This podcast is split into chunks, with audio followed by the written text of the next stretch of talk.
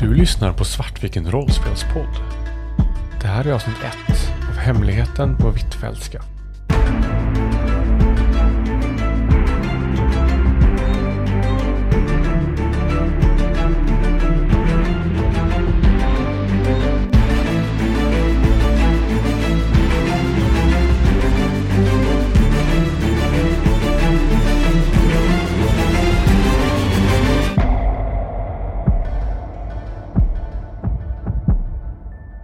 Här är ett specialavsnitt som spelades in på Gothcon 2021.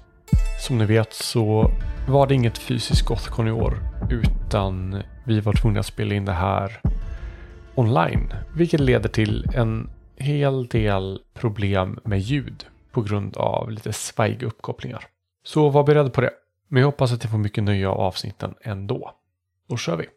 Hej och välkomna till Svartviken rollspelspodd. Idag ska vi köra en Gothcon special med ingen mindre än Jonas Olander Larsson.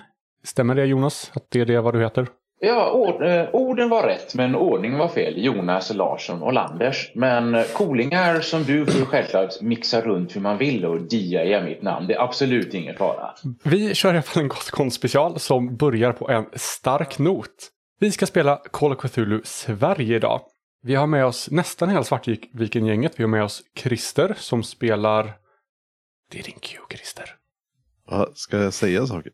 Jag spelar Linus Linde, eller Lind menar jag. Vi har med oss Moa som spelar... Ingvar Ahlqvist. Och vi har med oss mig, Kristoffer, som spelar George Olsson.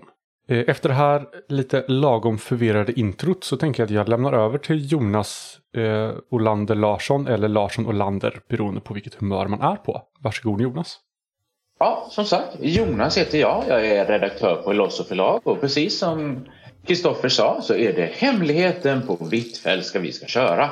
Och det knixiga med det här är att det utspelar sig faktiskt på Hvitfeldtska gymnasiet. Det är ju där Gothcon i vanliga fall håller till. Nu håller vi ju till där bara i våra eteriska själar men förhoppningsvis kommer vi vara där nästa år. Och jag är ju lite, lite nervös eftersom det är Gothcon-folk som lyssnar. Så de kommer säkert vara så här, nej, det finns faktiskt inga fläktar på Gothcon, det har jag koll på. Så det kommer vara väldigt många så här proffs som har mer koll på Gothcon-geografin än vad jag har. Men vi utspelar ju faktiskt inte nutid, vi utspelar oss ju 1922 och då hette det faktiskt inte Hvitfeldtska. Utan det som ni kommer få gå på det är högre latinläroverket. Och det som skiljer det från andra skolor i Göteborg, de flesta skolor kostar ju pengar.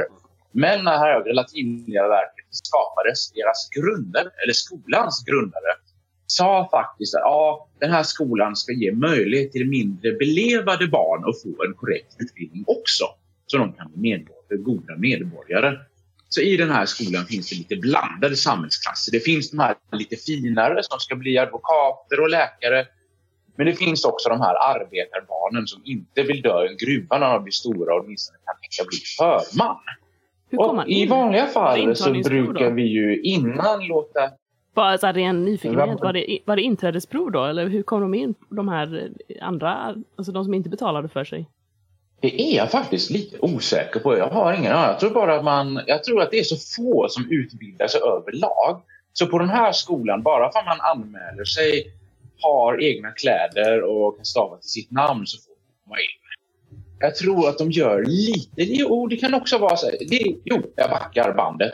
Jag tror så här, i teorin får alla komma in. Om man, men det sker en viss gallring sådana här elever som lärarna på förhand tänker men den här eleven kommer bli ett problem, de kan man tas bort. Vilket går ju lite mot skolans plan och det är lite konflikt i lärarkåren.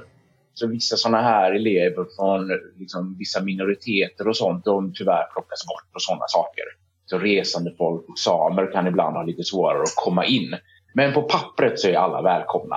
Och jag tänker faktiskt vi kör igång med första scenen. Så för era karaktärer känner inte varandra från början. Utan ni kommer ju lära känna varandra i ett äventyr. Ni är ju tonåringar hela högen och ska börja den här skolan. Och ni har första dagen ska ni samlas i Högre Latinläroverkets aula. Och som alla Gothcon-besökare vet, det ser liksom ut som en riktig Amadeus-teater där inne Det är gradänger som liksom går ner mot en scen. Och det var ju liksom ännu pampare på den här tiden. I vår moderna tid då är det lite gammalmodigt. Men då på den tiden då var ju arkitektur någonting man skröt med. Och det är fullt med elever som håller på och samlar sig där. Alla har fina skjortor och liknande. Det är ju bara, till exempel, det är bara killar som får bara med, unga män menar jag. Man säger ju inte killar på 20-talet. Unga män som får gå i skolan. Kvinnor till exempel. Viss måtta får det ju vara med vad man släpper in här. Det räcker att underklassen kommer och skitar ner på toaletterna. Ska det vara kvinnor också? Nej. Så det är bara män här. Eller ja, det finns ju, man måste ju ha någon som städar. Det jobbar ju kvinnor på skolan. Lite, liksom, lite finns det ju så faktiskt. I alla fall, det här är en aula. Och man ska, rektorn står redan längst fram och liksom man ser att han står där vid podium och håller på med lite papper, ska hålla tal. Och ni, första dagen är lite nervöst och nu så kommer ju det svåra. Var ska man sitta? Och George, vi kan ju börja med dig. Kan du, du har kommit in och ska ha den här svåra frågan. Var ska du sitta? Ska du sitta längst fram som en nörd så du hör allting? Ska du sitta längst bak som en sån där cooling med kepsen bak och fram? Så att du vet att du inte är en kille man muckar med. Eller vill du sitta tillsammans för att hitta några coola personer och sitta tillsammans med som ett flockdjur? Beskriv för lyssnarna, vad, hur ser George ut och vad är typ George för människa och var vill han? Hur försöker han lösa den här tonårsångestkonflikten med sittplats första dag? Det är nu det här livet startar, sittplatsen första dagen. Vi kan se hur George kommer in i, i den här salen. Han har lite halvlångt svart flottigt hår och han eh, väldigt stissig blick och han tittar sig väldigt mycket omkring nervöst. Han är ju van med att folk inte vill ha med honom att göra. Så han, han tittar lite, han tittar på en grupp och tittar på några andra, ser någon som sitter ensam. Är på väg fram mot den här ensamma och sen nej, kommer bättre tankar. Han vet ju hur det brukar gå. Så han till slut slokar ner med huvudet, händerna djupt i fickorna. Sen går han och sätter sig liksom i, längst utkanten. Så inte längst fram eller längst bak utan längst till vänster. Någonstans i mitten. Där ingen annan sitter. Ja. Och där slår han sig ner i sin ensamhet. Med blicken i golvet. George slår sig ner i sin ensamhet. Ingvar kommer in efteråt och nu ser du att jag börjar utkristallisera sig i lite grupper. Du kan ju göra som George och sitta dig själv också. Men om du är ett flockdjur så ser du så att är vid en hög i mitten så är det en ganska lång pojke. Han är huvudet längre än allihopa. Han har verkat fått ett litet hov runt sig av kortare pojkar. Han håller på att berätta någon historia så att folk sitter och skrattar där. Det ser väldigt avslappnat ut. En bit längre bort så ser du en ganska blek kille med stora glasögon. Han verkar så här... Han håller på att liksom kryper runt på bänkarna och ber folk lyfta på sina ben. Det ser ut som att han håller på och letar efter någonting. Du ser också lite långt bak så är det en ganska stilig kille. Han har sånt här. Han är nog den enda. Han är typ spelad av James Dean i den här filmen. Han har så här lite fyrkantigt ansikte och de här lite smala läpparna som är populära i Hollywoodfilm. Han står och pratar med en av husorna och tycker sig visa någonting som han har i handen som hon liksom så här håller för munnen och flickar lite åt. Du ser ju också den här George, den här stackars svarthåriga killen som har satt sig alldeles själv. Så vad är Ingvar för person och är det någon av de här grupperna som är lockande eller är du också en soluppbyggare? Ja, Ingvar kommer ju in och eh, han ser väldigt ordnad ut eh, och eh, väldigt så liksom, eh, inte ett hår som ligger fel och kläderna är eh, väldigt välskötta. Men om man tittar noga så kan man se att Ingvar kanske inte är en av dem som eh, har betalat för att gå här. Men det är, någon, det är ett faktum som eh, han verkligen har försökt att dölja. Så att eh, kanske för liksom någon som kikar lite extra, men eh, det, kläderna passerar absolut liksom en första sån här övergripande glans. Och eh, han har blont hår och är ganska så eh, spinkig. Smal och liksom lite, ja, tunn. Och han kikar sig omkring och han står och tittar ganska längtande mot den här grupperingen med pojkar den här långa unge killen eh, pratar om den här berättelsen och alla är liksom med i det här sociala sammanhanget. Och står liksom nästan och är på väg att gå fram. Men eh, sen är det som att han kommer på någonting och eh, styr snarare stegen bort mot eh, George. i det här liksom lite mer isolerade delen där eh, inte särskilt många sitter då. Och sätter sig där och nickar lite till George och säger goddag. George tittar upp, ger en snabb blick, nickar och sen ner med blicken i backen igen. Och sist men inte minst så har vi Linus Linder som är lite senare än de, andra, de flesta andra. De flesta har ju börjat sätta sig. Och ja, vad är Linus Linde för person och hur kommer du lösa det här minfältet av tonårsrelationer? Vi ser Linus eh, komma in ganska prydligt klädd, eh, vattenkammat hår och eh, ser väl eh, tillräckligt proper ut. När jag kommer in så sveper jag med blicken över de eh, samlade ungdomarna här och går med ganska bestämda steg ut på vänsterkanten i aulan och ner längs ytter, yttergången. Och sätter mig med butter och bestämd blick några rader framför, framför George och eh, Ingvar. Då. Men när du är på väg dit, när liksom, du är ju som en hök. Du liksom tittar över detta slagfält och liksom har valt ut som, som en gymnasiets Napoleon har du liksom valt ut den bästa platsen. Men när du gör det, liksom krockar in i en person. Du krockar med en av lärarna. Och liksom det bara flyger papper överallt. Och du liksom ser alla blickar vänder sig mot dig Linus. Och den här läraren säger oj, oj, oj, förlåt, det, det är ingen fara. Förlåt, jag borde ha tittat vad gick. Ursäkta mig unge man, gick det bra?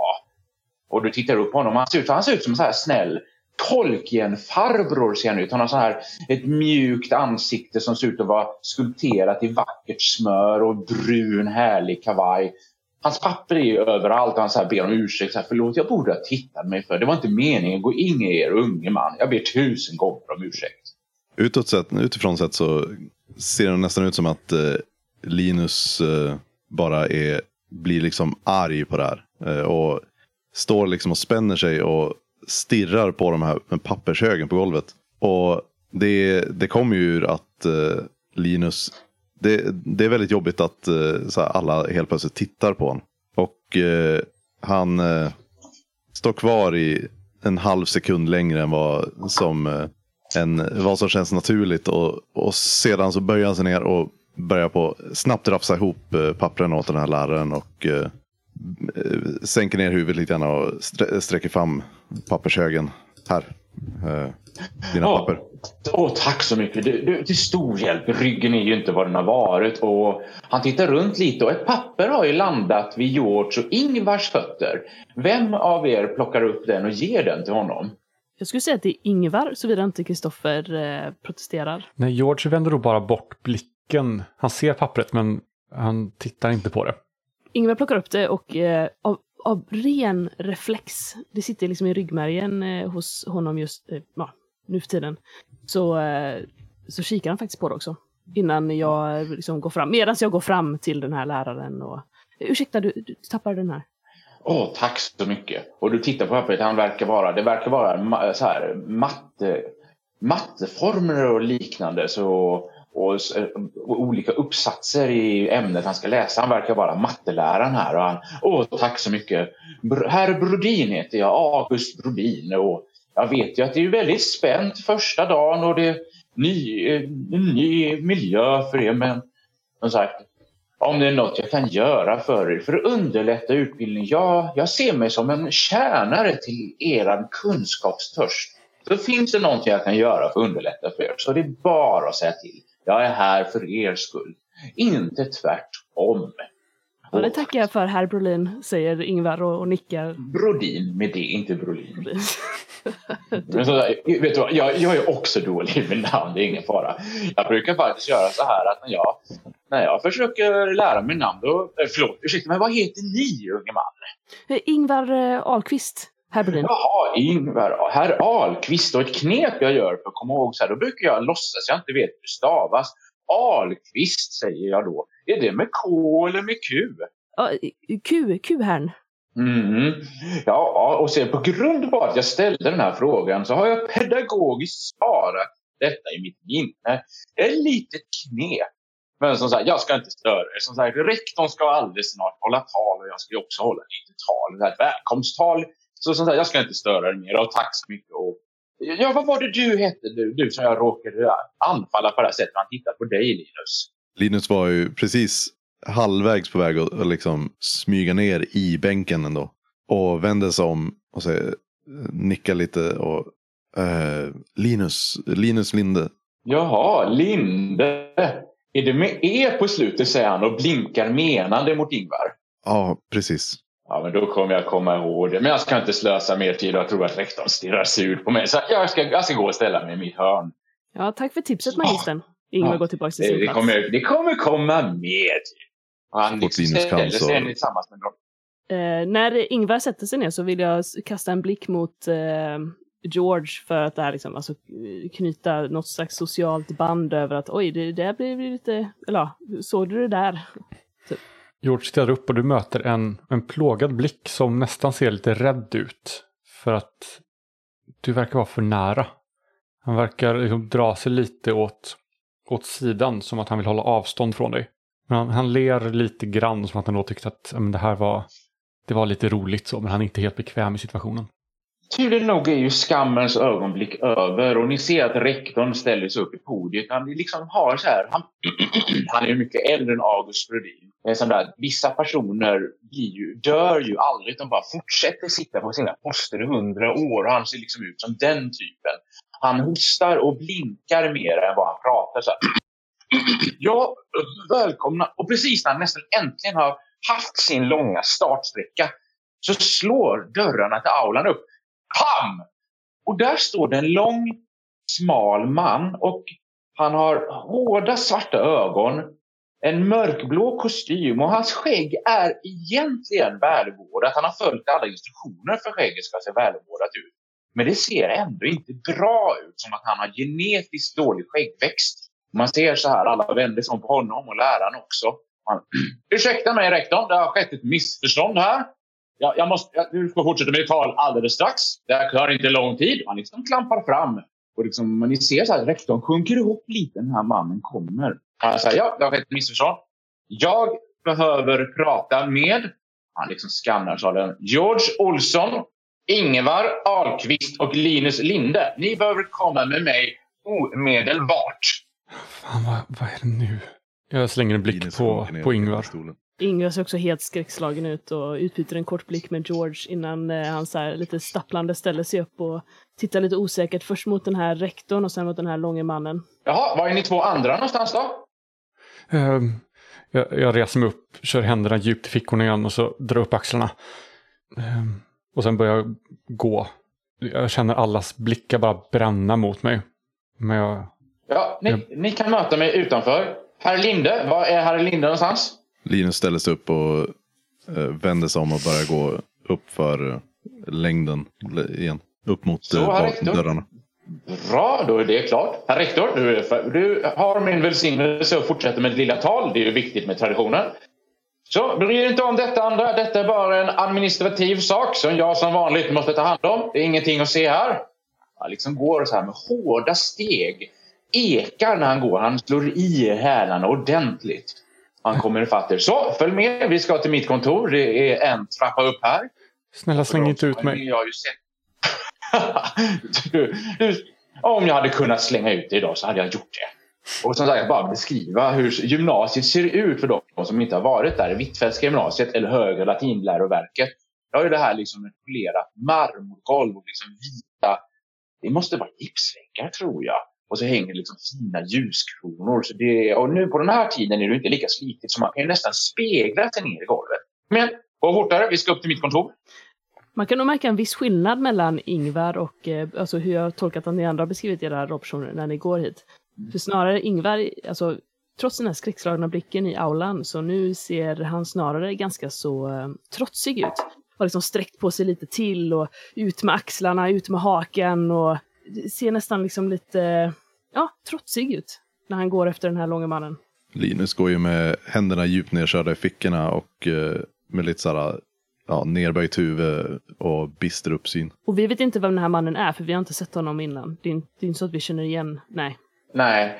Och ni märkte så här att lärarna och rektorn, de kände igen honom. Det var ju ingen så här som sprang på så här honom och åh, det är en alkoholist här som bara kommer och lajvar. Utan han hade tydligen någon pondus så att han, det är ingen som hindrar honom att göra så här. Och om man ska liksom, eh, jag vet inte om man måste slå för det, men om man liksom ska bara få tolka då så är det ju ändå att eh, den här personen åtnjuter ganska så mycket pondus och respekt i med tanke på hur rektorn la sig platt. Ja, och ni får svar på vem det är för ni kommer till hans kontor och där står det vice rektor Sven Patriksson. Så han är ju lägre i rang än den vanliga rektorn men i den sociala hierarkin verkar han ju vara högre. Han leder in i ett välstädat kontor där det finns ett stort ekskrivbord, också så polerat som man kan spegla sig. Det finns tre stolar och på sin sida har han en ordentlig läsfåtölj och han liksom visar att ni ska sätta er. Slå sig ner på sin sida. Jag har tagit er undan för ett allvarligt samtal med er tre. Jag tycker jag är Nej, ja, ni tre. Ni gör mig. Jag känner mig kränkt. Jag känner mig arg. Det är en skam att ni tre har fått komma in på den här skolan. Och hade jag fått bestämma så hade ni blivit utsparkade här och nu.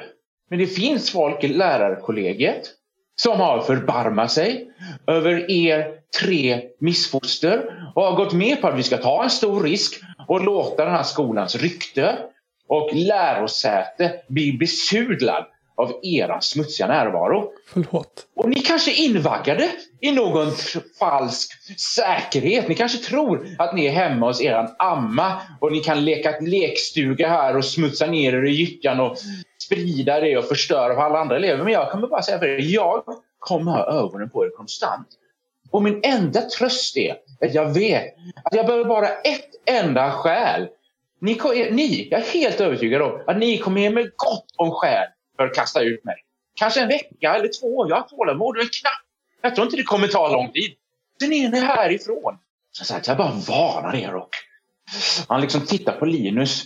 Jag kan inte fatta att de släppte in dig. Du, du är en fara för allmänheten.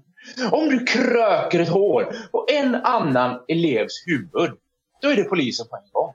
Jag känner poliskommissarien här i staden. Det blir fängelse för dig. Livstid. Jag har ögonen på dig.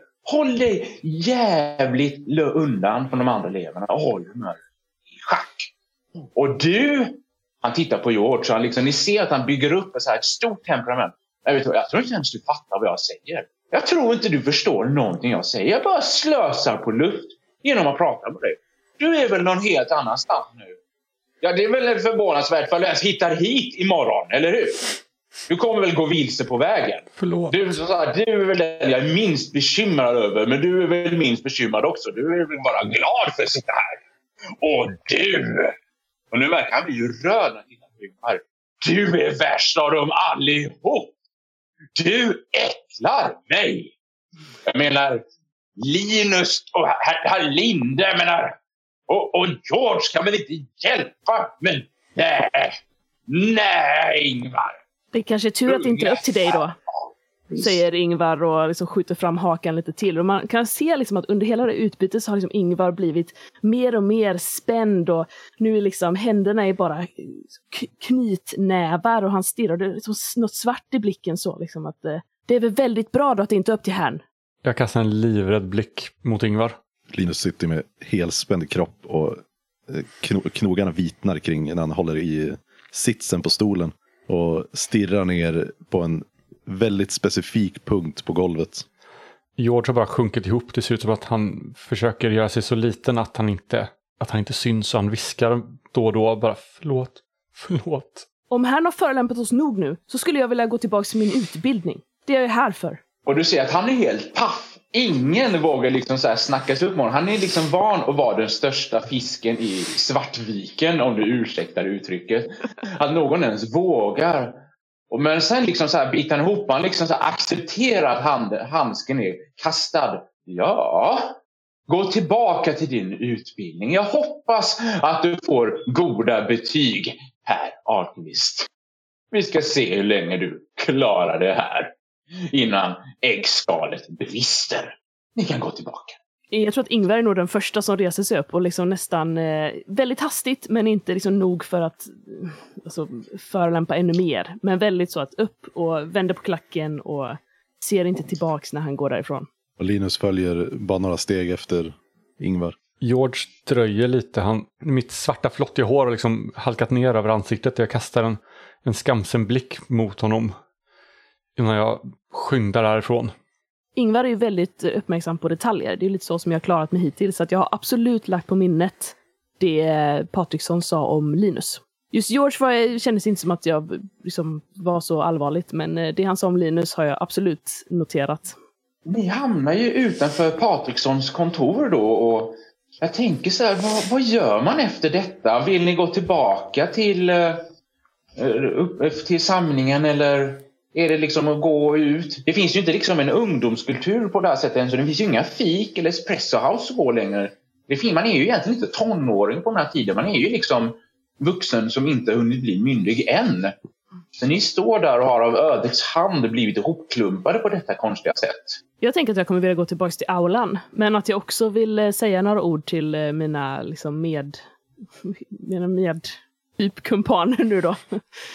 Att eh, ni ska inte bry er om vad herr Patriksson säger. Ingen kan tala om för er att ni inte hör hemma här. Inte ens herr vice rektor. Men, men jag, jag är bara här för att för att rektorn eh, tyckte synd om mig. De kan sparka ut mig hur som helst. Jag har inte betalat någonting. Jag är inte, jag är inte hemma här. De kan bara kasta ut mig hur de vill. Du kan göra precis vad du vill av den här vistelsen, George. Och det spelar ingen roll att du inte har betalat. Det är ju det här läroverket är till för. Du har precis lika stor rätt att vara här som alla de här stora snobbarna som har betalat massa pengar för att vara här. Du ser liksom hur Ingvars kinder riktigt så blossar när han börjar prata om de här eh, snobbarna då. Linus fnyser mest bara åt det och säger lite lågmält att eh, det är bara att hålla huvudet nere och ta oss igenom det här. När, eh, när vi är klara med den här utbildningen så spelar inte det här någon roll ändå. Om ni, om ni stannar kvar där i korridoren så kommer Linus bara så här långsam, äh, så här, sakta in lite grann men sedan fortsätta gå mot uh, aulan. Men uh, han kommer inte gå in i aulan. Jag följer efter mot aulan och jag tror också så att jag känner lite spontant att jag vill ta George under mina vingars beskydd. så att jag liksom någonstans ändå lägger lite en, liksom en arm så på Georges axel liksom. Och... Du märker jag rycker till när du vidrar mig. Och jag börjar dra mig undan lite. Det är, det är, inte säkert, det är inte tryggt. Du får, du får inte vara för nära mig. Det smittar. Säg, säg vem? Vad? Säg... Vad ska smitta? Jag kan, inte, jag kan inte prata om det. Sen steg jag därifrån. Och där tänker jag att vi äkta filmar ner börjar klippa scenen. För det som kommer hända nu är att ni går tillbaka och som sagt, på grund av att ni blev... Inte, det här med att ni krockade med läraren August Brudin. Det är ju egentligen inte viktigt på riktigt. Det är sånt som tonåringar har ångest för men påverkar ju egentligen inte ens sociala liv nämnvärt. Men det här att vice rektorn tog ut er och han snackar ju skit om er med alla lärarna och alla elever. Det gör ju liksom att ni liksom pekas ut och på ett väldigt oorganiskt sätt klumpas ihop. Ni hade kanske inte blivit kompisar i vanliga fall men nu liksom jag skulle väl inte säga att de andra eleverna undviker er och som sagt lärarna har ju förbarmats över er och känner ju de flesta, eller i alla fall rektorn känner till och ni, han Brodin får ni intryck av känner till de skälen ni är här och ni märker att Brodin antagligen jobbar mycket med lärarna för att de ska acceptera er, att han jobbar för er.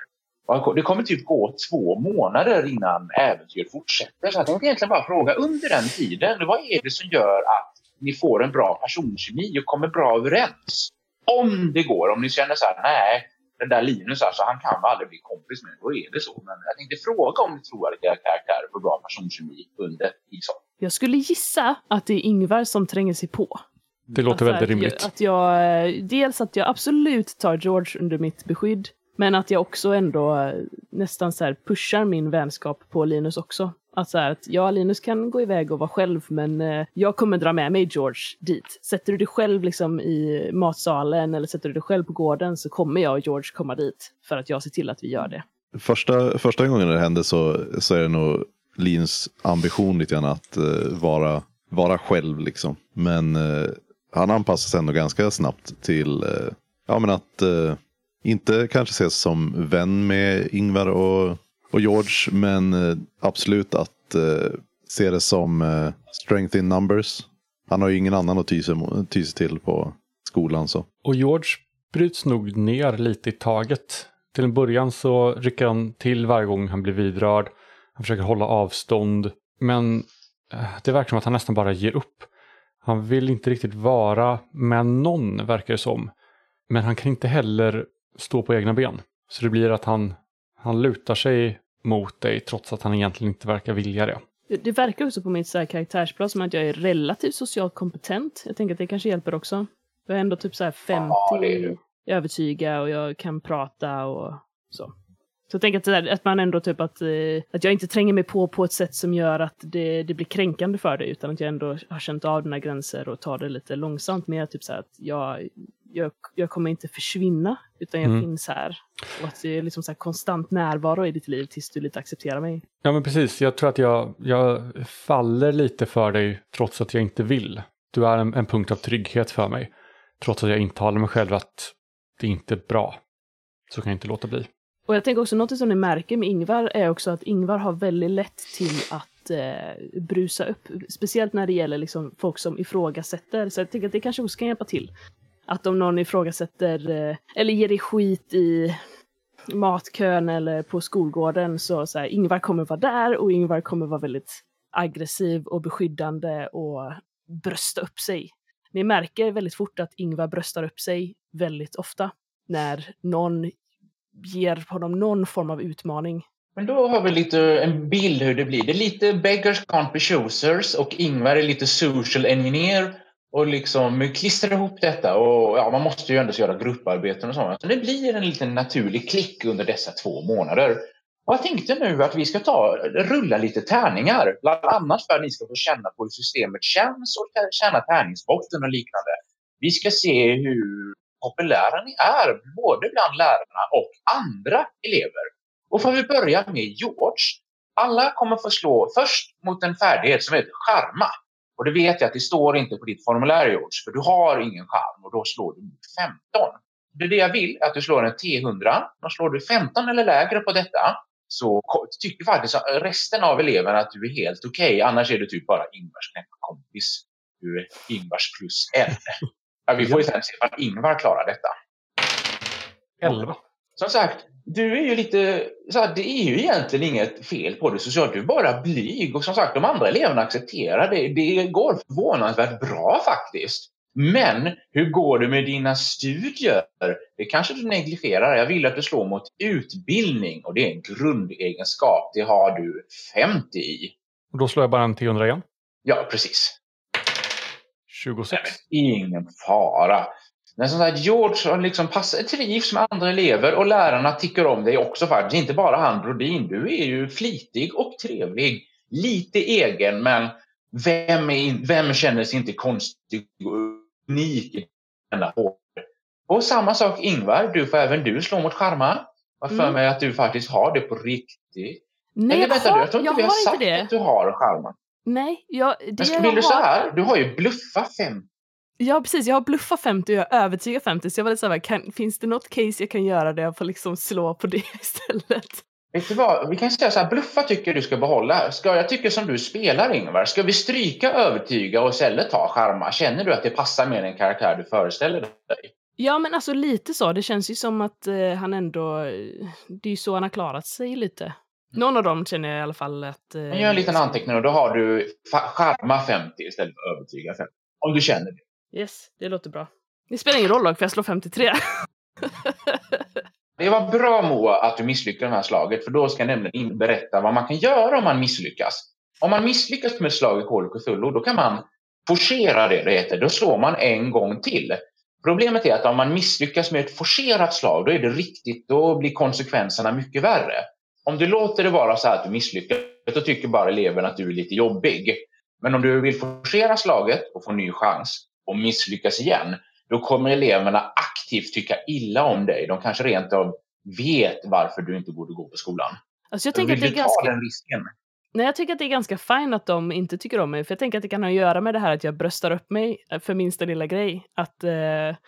liksom, vadå, ska du gå före mig? Va? Jag trodde jag är liksom någon mes som låter folk göra det. Så att eh, Mm.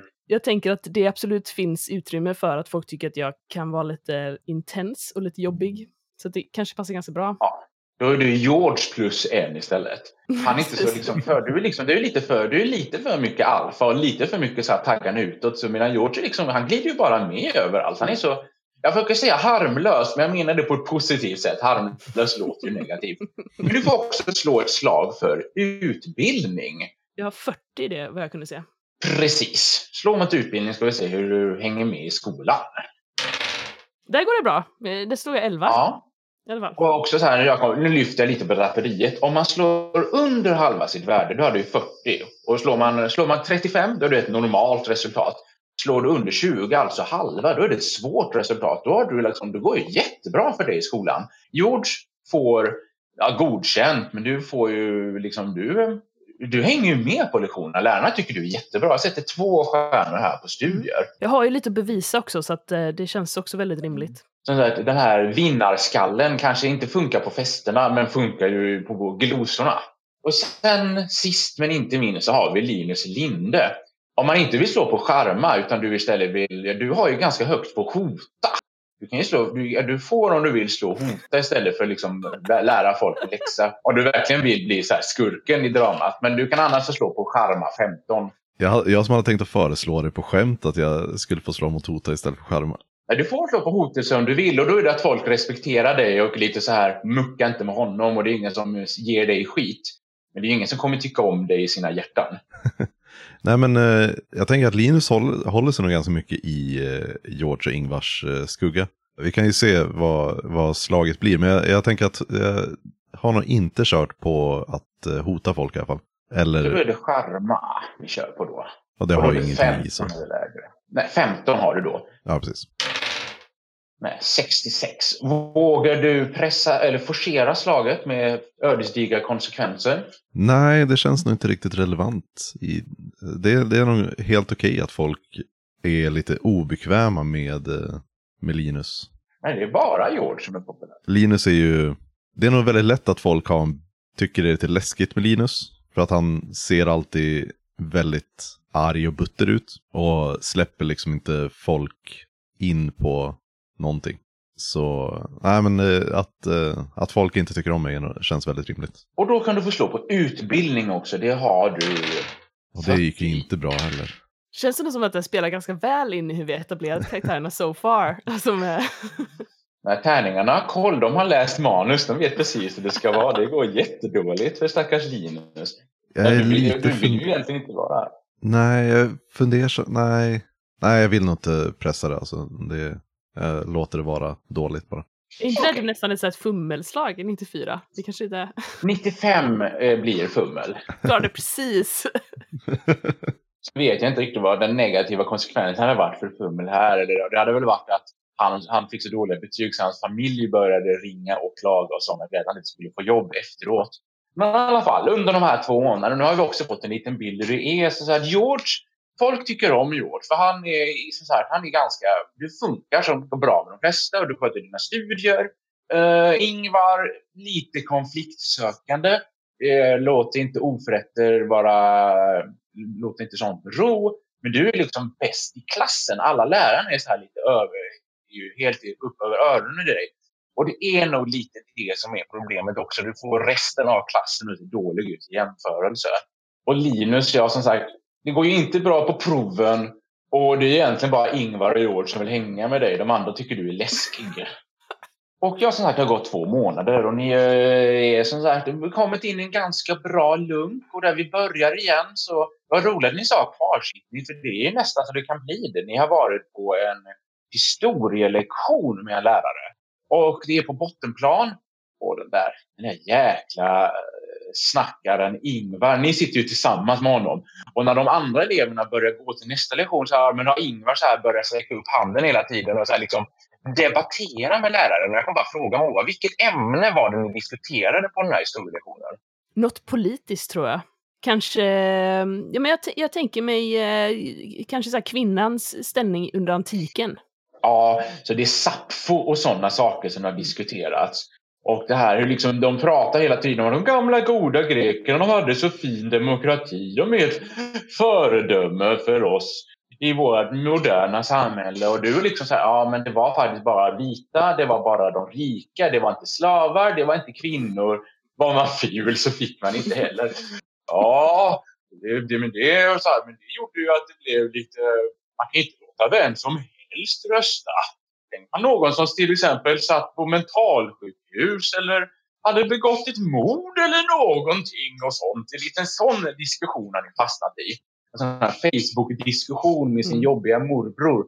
Exakt. 80 år innan Facebook fanns. och George och Linus har liksom bara fastnat i detta och sitter kvar. Och liksom och den här läraren, jag kan bara ta fram vad han heter ifall ni vill prata med honom fler gånger. Jag har ju faktiskt det på en liten fusklapp här. Historieläraren heter så mycket som Erland Simonsson. Och han är så här, en smal och spinkig man med hår som pekar åt alla håll.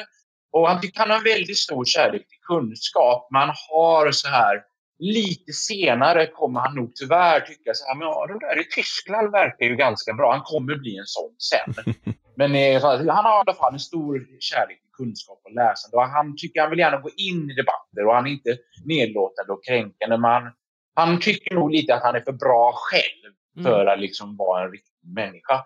Och han liksom har fastnat i den här diskussionen med Ingvar och pratat om så här, att kvinnor har lite mindre hjärnor och sådana saker. Man har ju vägt kvinnors hjärnor de har ju lite mindre både muskelmassa och hjärnmassa när man har vägt i skålar. Och så tittar han på klockan. Nej men ursäkta mig, håller ni inte på att bli försenade till er nästa lektion? Jag har ju tyska om en liten stund. Och man ser så här, Ingvar är liksom fortfarande precis mitt inne i någonting och så här, Mm. vill väldigt gärna avsluta argumentet men samtidigt så, så vill man ju inte bli sen till nästa. Eller kanske, det är kanske till och med George och Linus som ser till att vi inte blir sena. Jag kanske mm. är verkligen inne på att ja, fast herr Simonsson, jag har faktiskt läst en text om att jag tror att när det börjar pratas om att mentalsjuka är en belastning och inte får rösta och sånt där. Då tror jag att George i ett okaraktäristiskt sätt bara reser sig upp så att stolen välter bakåt och sen traskar han ut och smäller dörren bakom sig. Så länge Ingvar pratar så är ju Linus ganska utzonad och eh, sitter mest bara så här, antingen ristar i bänken eller kladdar i någon bok, sådär, eh, någon skrivbok. Så det är inte förrän, eh, förrän George reser upp och, och stolen välter som, eh, som Linus överhuvudtaget tittar upp och faktiskt märker vad som händer. Och det väcker nog mig också faktiskt, för jag menar, George är ju min lilla skyddsling i mina ögon. Så att eh, när George liksom stormar ut och det är så här, jag tittar mot Simonsson som han säger, jag vill få in ett till argument, ett sista argument, men jag måste springa efter George för det här gjorde uppenbarligen honom eh, upprörd. Så att jag så här, och sen så reser jag mig upp och springer efter eh, George och kanske drar med mig lite Linus i, i farten. Så, men kom nu då. Ja, Linus har redan ställt sig upp och börjat packa ihop eh, sina böcker och så. När, eh, när Ingvar och George drar iväg så vandrar Linus efter. Ni är ju försenade och det är, han heter ju Helmut Schmidt, äh, tyska läraren. Och ni har typ en minut på er, men det är ju på tredje våningen. Och ni är ju längst ner. Och problemet är att Helmut Schmidt är inte en av de lärarna som han Brodin har lyckats kamma medhårs. Han är ju en i Patrikssons stall. Och ni har ju alltid lyckats vara i tid på hans lektioner och sköta er, men ni vet att han väntar ju bara på skäl för att liksom ge prickar i protokollet. Och att komma sent på hans lektion, det kommer att komma direkt till Patriksson. Ni, ni vet inte ifall det räcker med att komma sent en gång, men ni har aldrig provat innan. Men som sagt, just hos er väger minst felsteg väldigt tufft. Vi lägger väl på ett kol. Och också mm. medan Ingvar springer så, så, så muttrar han hela tiden för sig själv. Antiintellektuell, jag kan inte förstå att man kan ha sånt kunskapsförakt. Och det är helt uppenbart att eh, i, i tankarna så är jag ändå fortfarande kvar i den här debatten med Simonsson. George stegar omkring där ute i, i hallen och är inte på väg mot tyska lektionen. Han är förbannad. Han stegar liksom fram och tillbaka och muttrar för sig själv. Och det konstant flottiga håret bara liksom hänger ner och han är han är arg på ett sätt ni, ni inte har sett tidigare. George, vad, vad gör du? Vi måste, vi måste gå till... Eh, vi måste ju gå till eh, herr Schmidts lektion. Jag bryr mig inte om jävla tyskan. Men du vet ju hur han är. Han, han gör sig skit för minsta lilla. Okej, visst. Bry dig inte om Simonsson. Han vet inte vad han snackar om. Han är en antiintellektuell. Han, han borde inte ens få vara lärare. Han har ju rätt. Han har inte rätt, George. Och om, om, om ni fortsätter vara med mig så kommer... Jag går och så sparkar jag omkull någonting om det finns en stor soptunna eller liknande. Ja, Bara det liksom finns det. Mot den och den. Eh, har vi läroböcker och sånt som vi släpper runt? Ja, det har ni. För jag lyfter upp dem och sen bara hivar iväg dem genom korridoren. Tittar lite så här förvånat på det, för det här är nog den största känsloyttringen du har gjort sedan vi lärde känna varandra, eller? Har jag fel? Helt klart. George, det Nej, finns, håll, ingenting, håll dig borta! Du, det finns ingenting som Simonsson kan säga om dig som är korrekt. Jag tror inte den mannen har varit korrekt hela sitt liv. Han lever i... Han är, Simonsson, jag vill inte att... Jag vill inte att ni ska... Ah! Och här tänkte jag faktiskt ta avbryta er när dramaturgin är som högst. Att ni bara, ni, jag tänker ni springer och har kommit upp på andra våningsplanet och saktade in lite när George började sparka på soptunnor och liknande. Jag tänkte bara fråga Linus, följer du efter eller är du en skolkare? Nej men jag följer med. Jag följer efter några, eh, ja, ett par, någon meter bakom sådär. När eh, George eh, börjar, eh, såhär, ger uttryck för sin upprördhet så stannar Linus mest bara och en bit därifrån och tittar medan Ingvar försöker snacka ner honom. Och eh, lite tafatt sådär när George eh, kastat iväg sina böcker så går Linus och plockar upp dem ändå. Och liksom väntar ut att så här, de ska vara redo att fortsätta springa mot lektionen. Det, Linus är ändå inte så engagerad i eh, plugget på grund av hur dåligt det går. För här tänkte jag att alla ska få ett slå ett slag mot smidighet och vi ska se hur det går där. Smidighet, det är en grundegenskap va? Jag står högst upp, SMI förkortas det. det Alltså, var ganska högt i det. Jag tror att det är ett... Eh, jag har 70 det, jag slog 20. Ja, det är superbra resultat. Jag har 65 och slår 21. jag har 50 och slog 60, 61. Så jag misslyckades. Det jag ska berätta, du tar två i skada.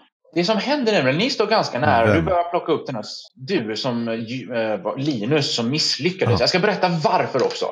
Ni liksom står ju ganska nära. Eh, Och George har sparkat omkull en soptunna, kastar iväg sina böcker. Linus har börjat plocka upp lite. Och mitt från ingenstans, rakt över er tre, krascha kabam! Ramlar August Brodin ner på er. Som han har fallit från en hög höjd. Mitt och ni faller åt alla håll. Och här när du slår i marken Linus så tar du två i skada. Och det är liksom, ni hör så här ett ljud. Någonting som går sönder. Och ni ser att han har blod överallt på sig. Och det är liksom så här. Ni bara står en halv sekund och fattar inte vad som händer. Men så ser ni att han står och ligger och viftar med sin hand. Och han har bara tre fingrar på den kvar. Och han skriker "Aj! aj. Ah!" Och ni hör så här, liksom, ni ser några elever lite längre bort i korridoren. "Ah! George och Linus och Ingvar har misshandlat Brodin! George, Linus och Ingvar de har misshandlat Brodin! Du har lyssnat på ett avsnitt med Svartviken rollspelspodd. Call of Cthulhu Sverige är utgivet av Eloso förlag. Omslagsbilden är gjord av Hans Motander. Musiken är gjord av Alexander Bergil.